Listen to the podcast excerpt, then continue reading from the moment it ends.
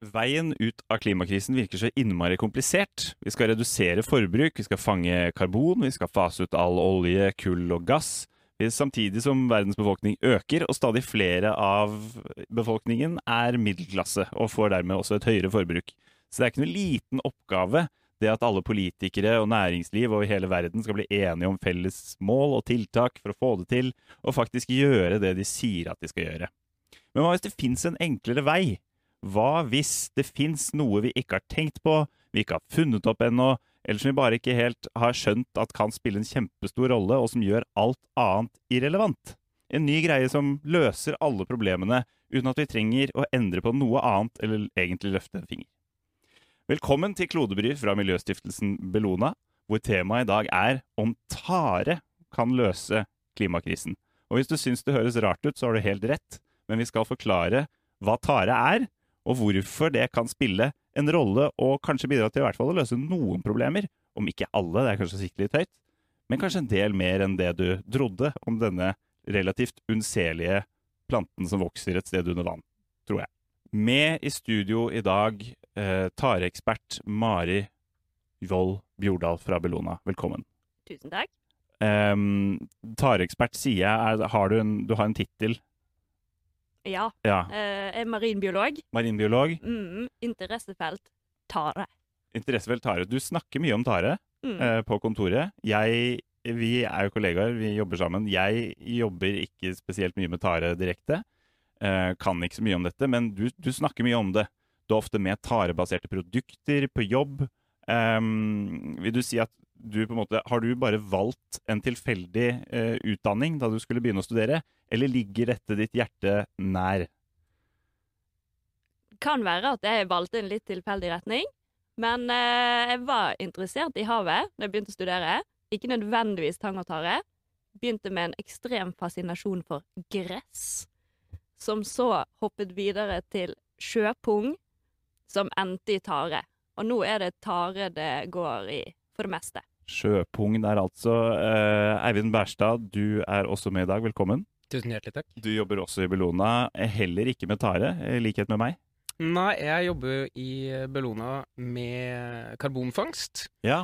Eh, og det har kanskje ikke noen åpenbar link til tare, skulle man tro. Nei, vi får se, da. Vi får se. Um, men hva er ditt personlige forhold til f.eks.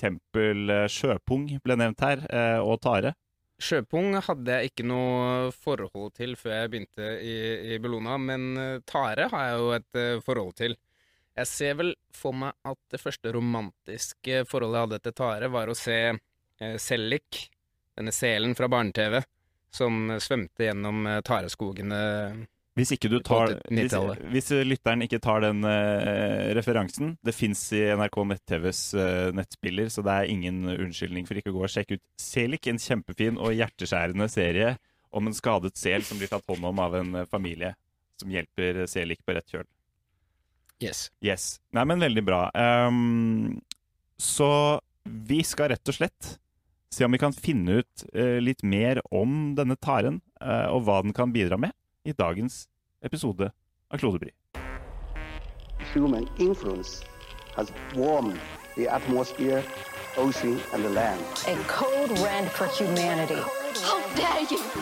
Climate change is here now. Store nedbørsmengder har ført til flom. Vi må være ærlig.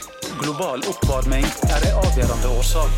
FNs nye klimarapport advarer mot menneskeskapte klimaendringer klimaendringer. Men aller først, selvfølgelig, eh, horoskopet. Dere får hvert deres eh, horoskop lest opp eh, av meg. Eh, jeg er hobbyklarsynt, men begynner å føle meg relativt god på dette. Eh, horoskop, eh, som kjent ikke et instrument for å oppdage prostitusjon fra lang avstand, men noe som sier noe om fremtiden din. Um, Mari Wold Bjordal, har du et stjernetegn? Skorpion. Skorpion. Skal vi se hva som står skorpionen her. Du trenger ikke være bekymret for utfallet hvis du ønsker å introdusere noen til din familie eller nære venner. Hva andre tenker er ikke viktig i det store bildet, det er viktigere hvordan dere har det sammen. Du kjører over 14 prøvekaniner på vei hjem. De råtner og avgir CO2 til atmosfæren, og du får ikke besøk av påskeharen neste år. Mm. Ja. Det er bare å ta det til seg. Altså, jeg vet ikke om, du kan, om det er så mye du får gjort, på en måte. Eh, men men eh, det, da er du klar over hva som kommer til å skje. Ja, Greit. Eh, Eivind Berstad, Yes. um, stjernetegn. Skitten. Nå må du lære deg å si nei. Jobben din vokser, og du får stadig mer å gjøre. Dette fører ingen vei, så her må du gjøre noe selv. Kanskje du bør delegere noe av ansvaret ditt? Dette vil du nyte godt av på sikt. Gi din kjære ekstra oppmerksomhet i kveld. Neste gang du bader, får du i deg utslipp fra forskningsreaktoren på Kjeller og blir svakt selvlysende resten av livet. Mm. Ja. Uh, ja, men det passer jo veldig godt at vi skal rekruttere noen folk til avdelinga, så kan jeg i hvert fall fikse det første. Uh, det andre skal jeg gjøre så godt jeg kan. Uh, det tredje så har vi noen kule prosjekter med hvordan vi skal håndtere det radioaktive avfallet fra, fra Kjeller. Så hvis jeg bare venter lenge nok til det problemet er håndtert, så kanskje jeg klarer å, å unngå eh, alle disse tre kritiske tingene fra horoskopet. Jeg noterer meg forresten dette som tema eh, til en annen episode.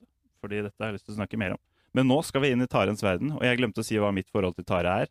Eh, jeg har veldig lite forhold til Tare, men eh, på et tidspunkt så fikk jeg noe taresalt eh, av deg, eh, Mari. Det er ikke noe jeg hadde funnet på å kjøpe selv.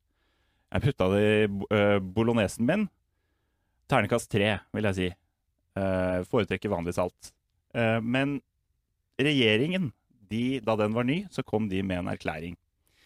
Og Der skrev de at regjeringen skal legge til rette for økt forskning på og mer næringsaktivitet knyttet til tang og tare og nye marine ressurser. Og hva sa du da, Mari? Da sa jeg det er kjempefint. Endelig har de oppdaget vi, hva vi oppdaget for eh, over ti år siden. Tare is the shit.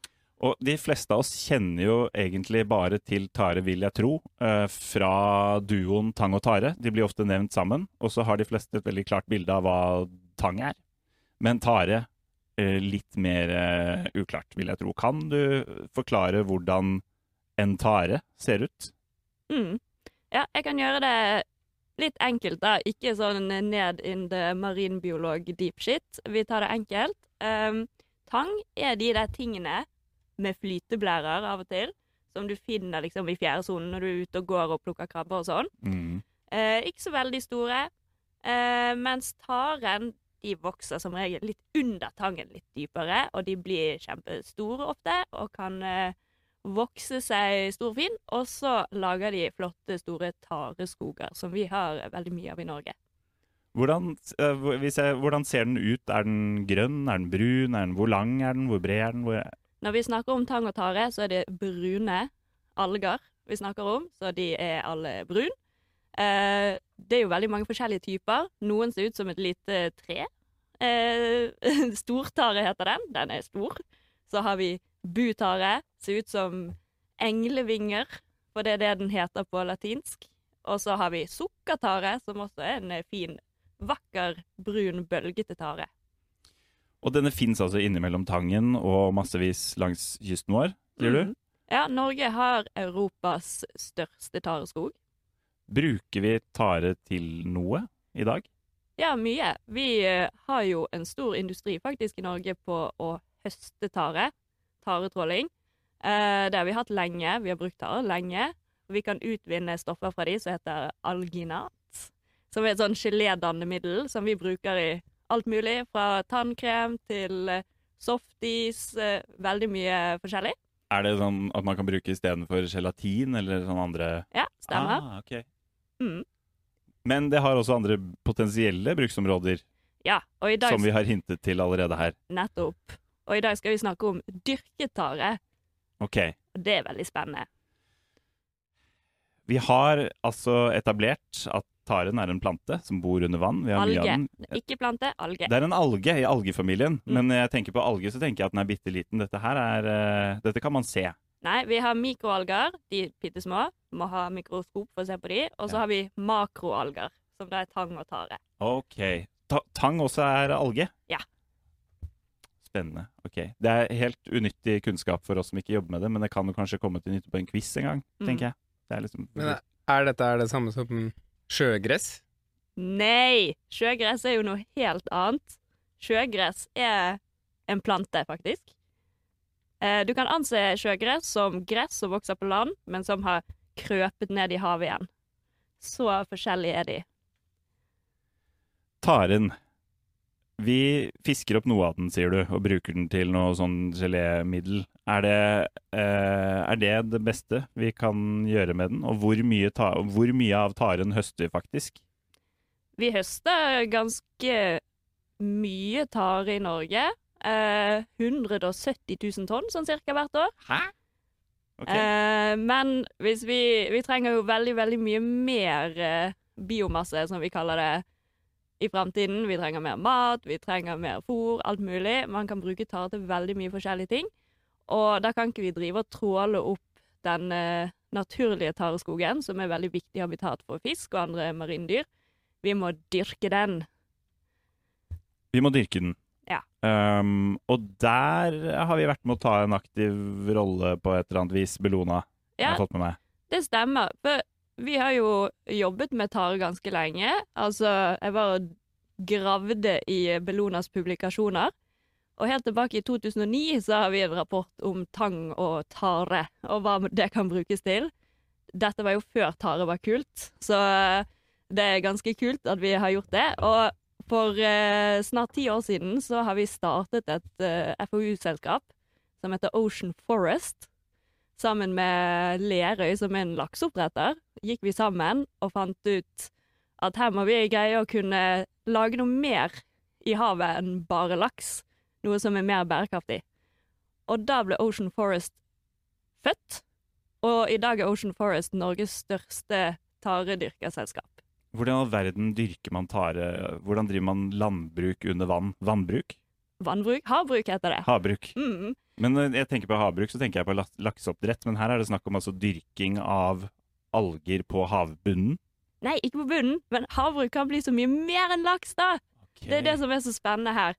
Uh, og du dyrker den ikke på bunnen, du dyrker den i sånne dyrkingsanlegg som flyter uh, i overflaten. Egentlig bare masse tau som uh, er spent opp. Og så trår du liksom tarebabyer rundt i tauene. Venter fire-fem måneder, og så bare boom! Har de vokst seg kanskje to meter lang da, på den tiden, kan du høste de inn. Og under eh, den tiden de har vokst, så har de bundet karbon, nitrogen, fosfor, veldig mye kult, i eh, biomassen sin. Hva inneholder tare? Tare Altså ernæringsmessig så er det veldig mye karbohydrater. Veldig mye Litt som en salat, vil jeg si. Litt proteiner, veldig lite fett. Mest eh, karbohydrater i eh, fiberform. Og du snakker om potensielle bruksområder for, for tare som eh, da, fordi det er næringsrikt, kan brukes som eh, mat, kan brukes som dyrefôr, kan erstatte soya, som vi importerer masse av til laksefôr f.eks. Ja, kan det det? Kan det det? Det har vi sett litt på. Det er det mange som har sagt i media, at eh, vi kan dyrke masse tare, så kan vi fôre den til laksen, og så slipper vi å importere soya. Eh, det er ikke så lett. Det har vi jo jobbet med i Bellona og, sett på hva laksen skal spise i fremtiden. Og laksen liker å spise fett og proteiner. Den er jo rovdyr, sant? Eh, og siden taren inneholder for det meste fiber og er litt salat, så er det egentlig ganske dårlig fôr til en laks. Så jeg tror det er mye bedre ting vi kan bruke den taren til, enn laksefôr. Jeg trodde vi fôra laksen stort sett med soyabaserte produkter, altså plantebaserte produkter. Mm. Vil ikke tare omtrent være det samme sånn ernæringsmessig? Eh, nei, fordi ja, laksen spiser veldig mye vegetabiler, men eh, soya har jo ganske høyt proteininnhold. Eh, og så spiser laksen også mye eh, rapsolje, for eksempel, hvete. Altså, man tar ut protein og oljen fra eh, de holdt på å si grønnsakene. Eh, det er jo ikke grønnsaker, men vegetabilene. Og så putter man det i en fôrpellet. Så hvis man skal bruke tare til laksefôr, så må man jo gjøre det samme. Man må ta ut proteinene. Og det, det er litt eh, arbeidsomt. Men hva, hva spiser laksen hvis den ikke får sånne pellets, altså laksen i det fri? Fordi her snakker vi om altså, at disse pelletsene inneholder soya og rapsolje, som meg bekjent ikke normalt sett forekommer i havet. Mm. Laksen i det frie spiser mye eh, små fisk. Insekter i elvene. Det den finner av små plankton og sånn når den er larver. Så ikke så mye sånn Ikke mye raps og soya å finne i havet, men den spiser det den finner. Ja, Men det er det vi prøver å erstatte, da. Er Ja. dette den vanligvis spiser? Mm. Ok. Um, men det er jo uh, Det er én side av Jo, forresten. Når du sier mat, vi kan bruke det til mat. Altså det kan erstatte uh, til en viss grad andre ingredienser i mat. Jeg vet at på forskningsdagene, eller i forbindelse med forskningsdagene, så lagde du en pizza som dere putta eh, ganske mye tare i. Sikkert noen andre greier også. Jeg vet at på første forsøket, hvor dere bare brukte alternative ingredienser, så ble resultatet så som så, eller? Ja, Da lagde vi en pizza av 100% marine ingredienser. Mm. Så ingen mel, ingen ost, ingen tomatsaus. Det var krabbekjøtt, litt forskjellige typer tang og tare, og litt eh, kråkebollerogn.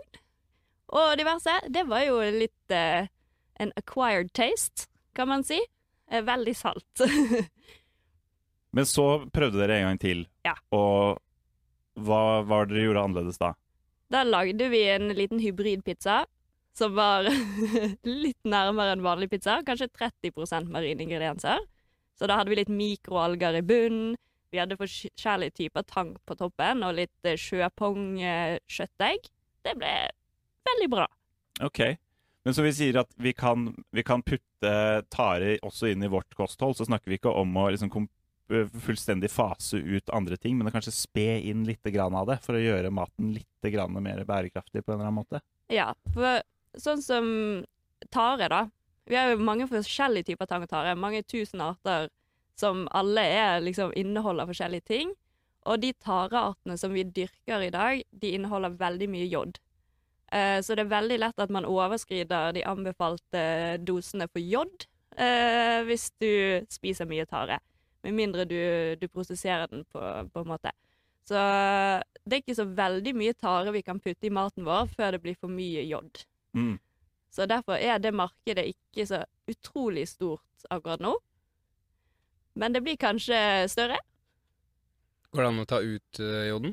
Eller prosessere Har man sett for seg en eller annen prosess der hvor man tar ut en av de tingene som vi kanskje får litt for mye av hvis vi spiser veldig mye tare, sånn at vi kan faktisk spise mye tare?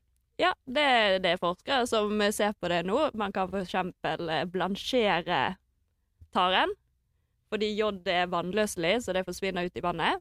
Så da kan man jo eh, redusere jodinnholdet med opptil 90% Så det er definitivt måter å gjøre det på. Men eh, tare er litt nytt i Norge og i Europa, så det tar litt tid. Men vi kommer der. Jeg trodde ikke det var noe jod i tare. Det er, så det er jo bare T-A-R-E.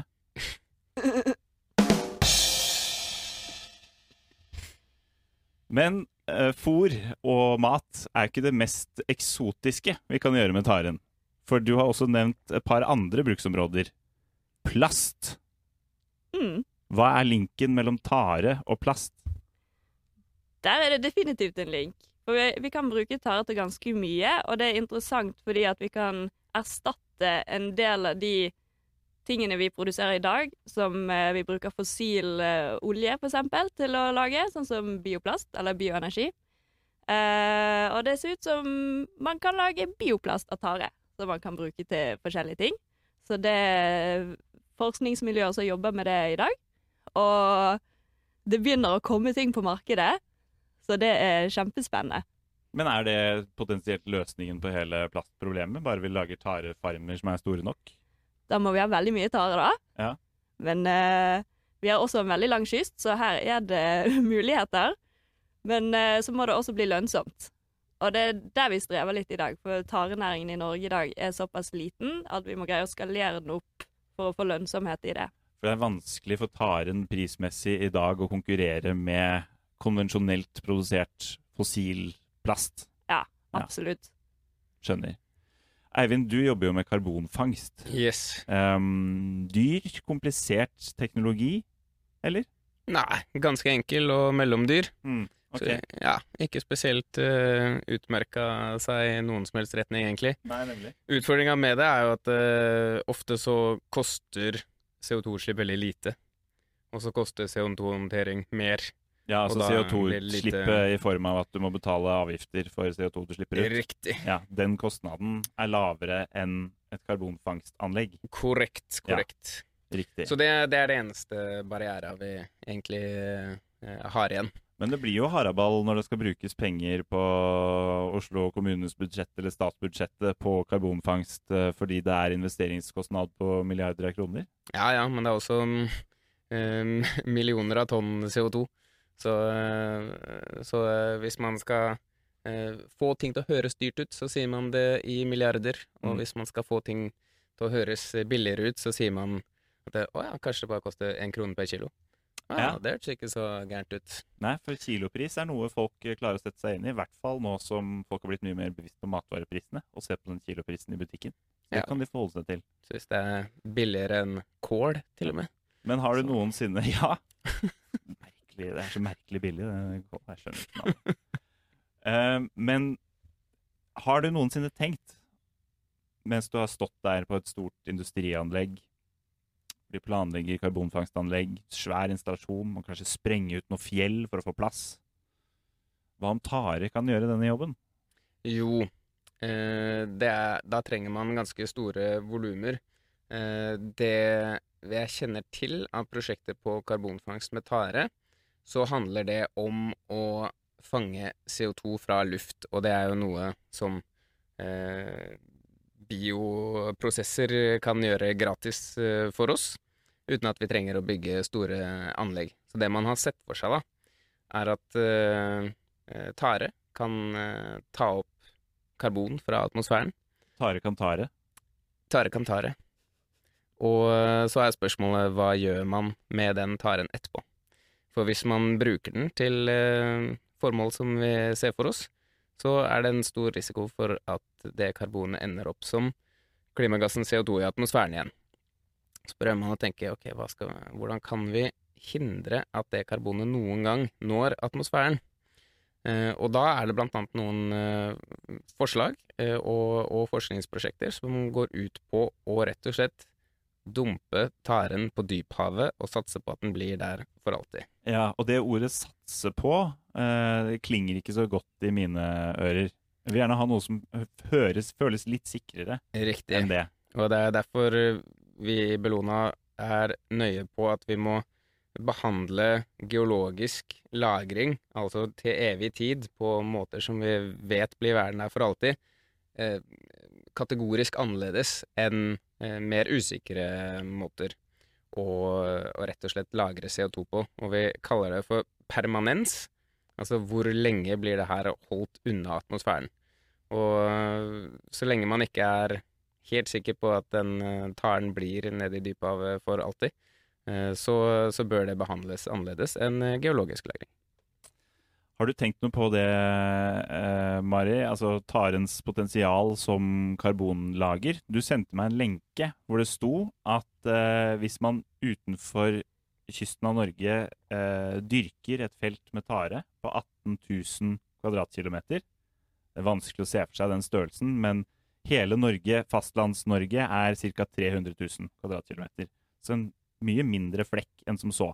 Ja, ganske liten flekk. Jeg tror det er på størrelse med eh, Trondheimsfjorden. Ok? Jeg har hørt noen si. Ja, det kan høres rimelig ut. Og da, da skal den eh, tareåkeren måtte være nok til å ha absorberingspotensial til å absorbere like mye CO2 hvert år som all CO2-en som hele Norge slipper ut.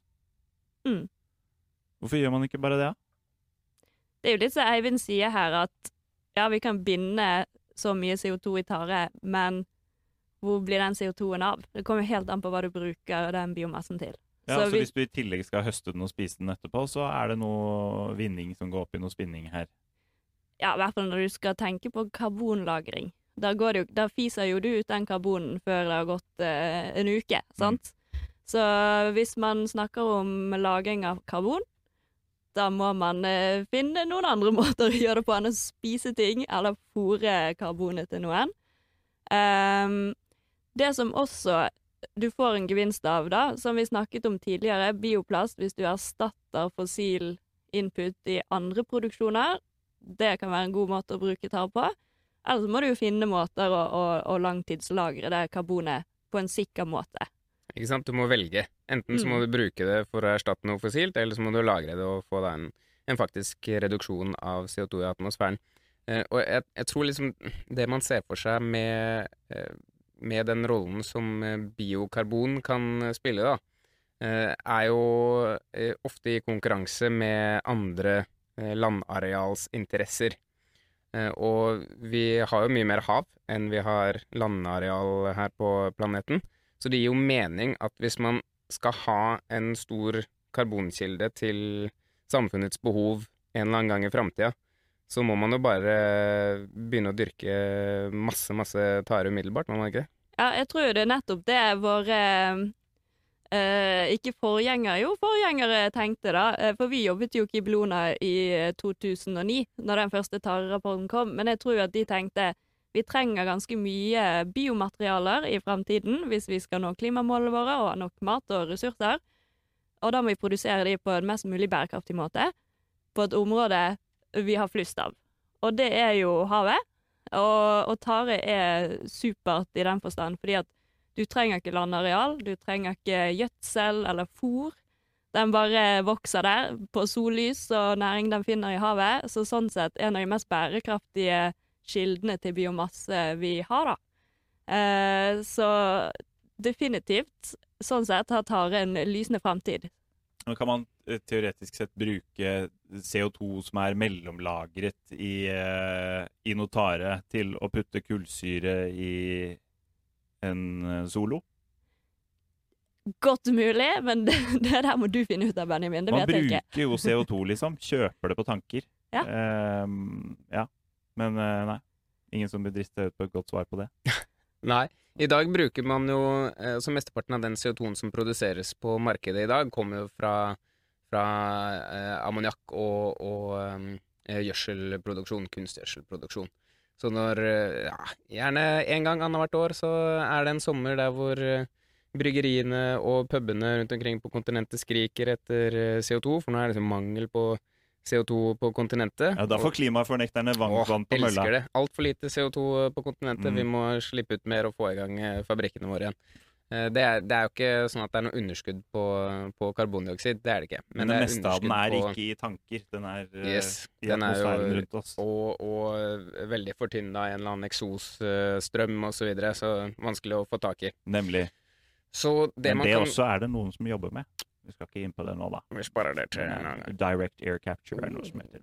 Det kan du google hvis du er interessert i det. Mens hvis man skal ha CO2 til eh, soloen sin, så bør jo den komme fra en biologisk eh, kilde. Mm. Og der kan man jo se for seg at tare kan spille en rolle. Ikke sant?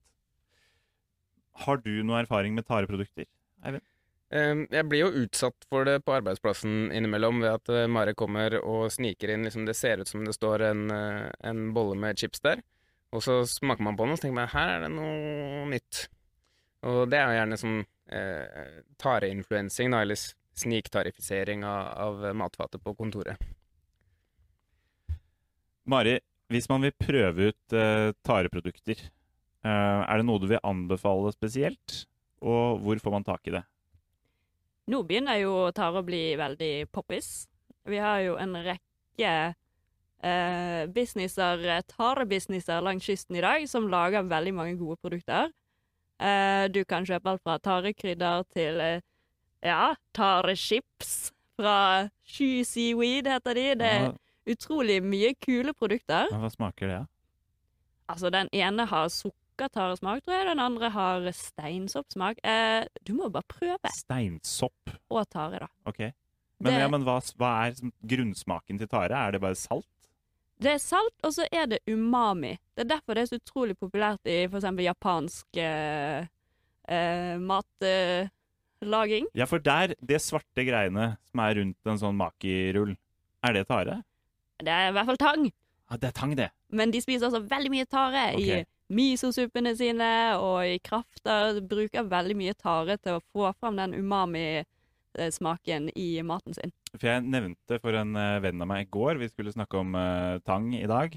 Nei, om tare i dag. Og da lurte han Han trodde aldri at han hadde spist noe med tare i seg, men lurte på om det er Om det fins noe snik i tare i produkter vi allerede bruker. Det finnes det. Altså sushien er ganske sikker på at eh, vi spiste tare til eh, lunsj i dag.